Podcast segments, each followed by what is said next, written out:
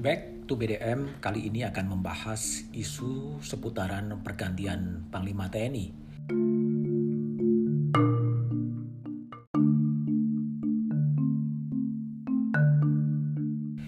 Isu ini mulai ramai dibicarakan. Panglima TNI Marskal Hadi Cahyanto akan pensiun pada 8 November 2021.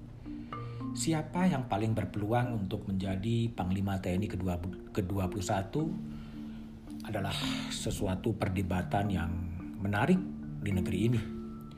Tentunya rujukannya adalah Undang-Undang TNI nomor 34 tahun 2024. Tahun 2004 yang mengharuskan prajurit TNI pensiun pada usia 58 tahun.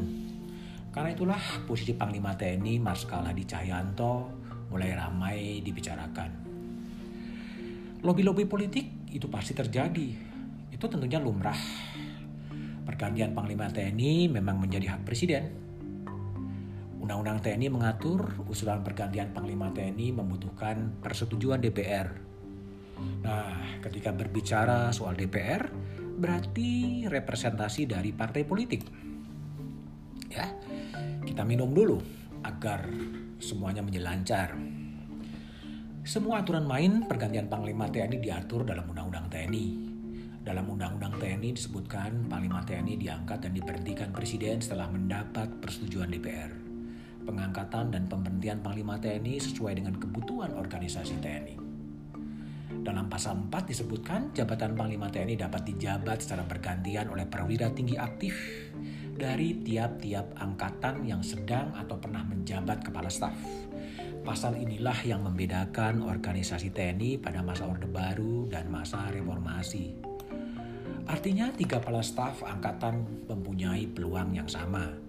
Yang pertama adalah Kepala Staf TNI Angkatan Darat Jenderal Andika Perkasa yang berusia 57 tahun pada 21 Desember 2021. Lulusan Akademi Militer 1986 dan punya gelar pendidikan luar negeri di Amerika Serikat. Yang kedua adalah Kepala Staf TNI Angkatan Laut Laksamana Yudo Margono yang berusia 56 tahun pada 26 November 2021. Lulusan Akademi Angkatan Laut 1988. Yang ketiga yang paling muda adalah Kepala Staf TNI Angkatan Udara Marskal Fajar Prastio yang berusia 55 tahun. Dari sisi ketersediaan, tiga kepala staf itu mempunyai peluang yang sama menjadi Panglima TNI.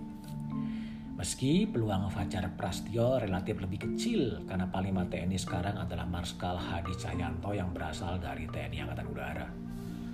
Peluang terbuka ada pada Andika Perkasa atau Yudo Margono. Jika frase dijabat secara bergantian, digunakan boleh jadi Panglima TNI sekarang adalah Giran TNI. Karena sesuai urutan Jenderal TNI Gatot Nurmantio menjabat Panglima TNI 2000 2017, Jenderal Gatot menggantikan Jenderal Muldoko. Setelah Jenderal Gatot digantikan oleh Marskal Hadi Cahyanto yang menjabat 2017-2021. Jika frase bergantian yang dipakai, bisa saja Panglima TNI menjadi giliran TNI Angkatan Laut, selain karena faktor usia Andika Perkasa yang tinggal satu tahun. Namun itu semua tergantung pertimbangan Presiden Jokowi, siapa yang akan ditunjuk sebagai Panglima TNI ke-21 Andika dan Yudo sama-sama punya peluang yang sama. Kapan penggantian Panglima TNI akan juga sangat menentukan siapa yang paling berpeluang.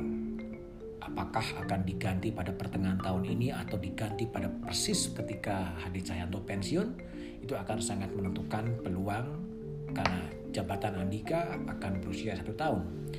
Dalam sejarah TNI sudah ada 20 Panglima TNI, 16 di antaranya TNI Angkatan Darat. Ada dua Panglima TNI dari TNI AU yakni Marskal Joko Suyanto pada era Presiden SBY dan Marskal Hadi Cahyanto pada era Presiden Jokowi. Dua Panglima TNI lain yaitu dari TNI AL Laksamana Widodo AS dan Laksamana Agus Suartono. Pergantian Panglima TNI jangan sampai mengganggu stabilitas politik.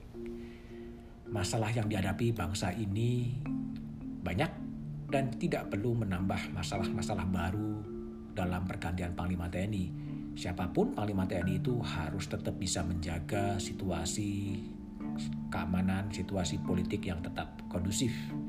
Biarlah Presiden Jokowi memilih yang paling tepat dan kemudian meneruskannya kepada DPR.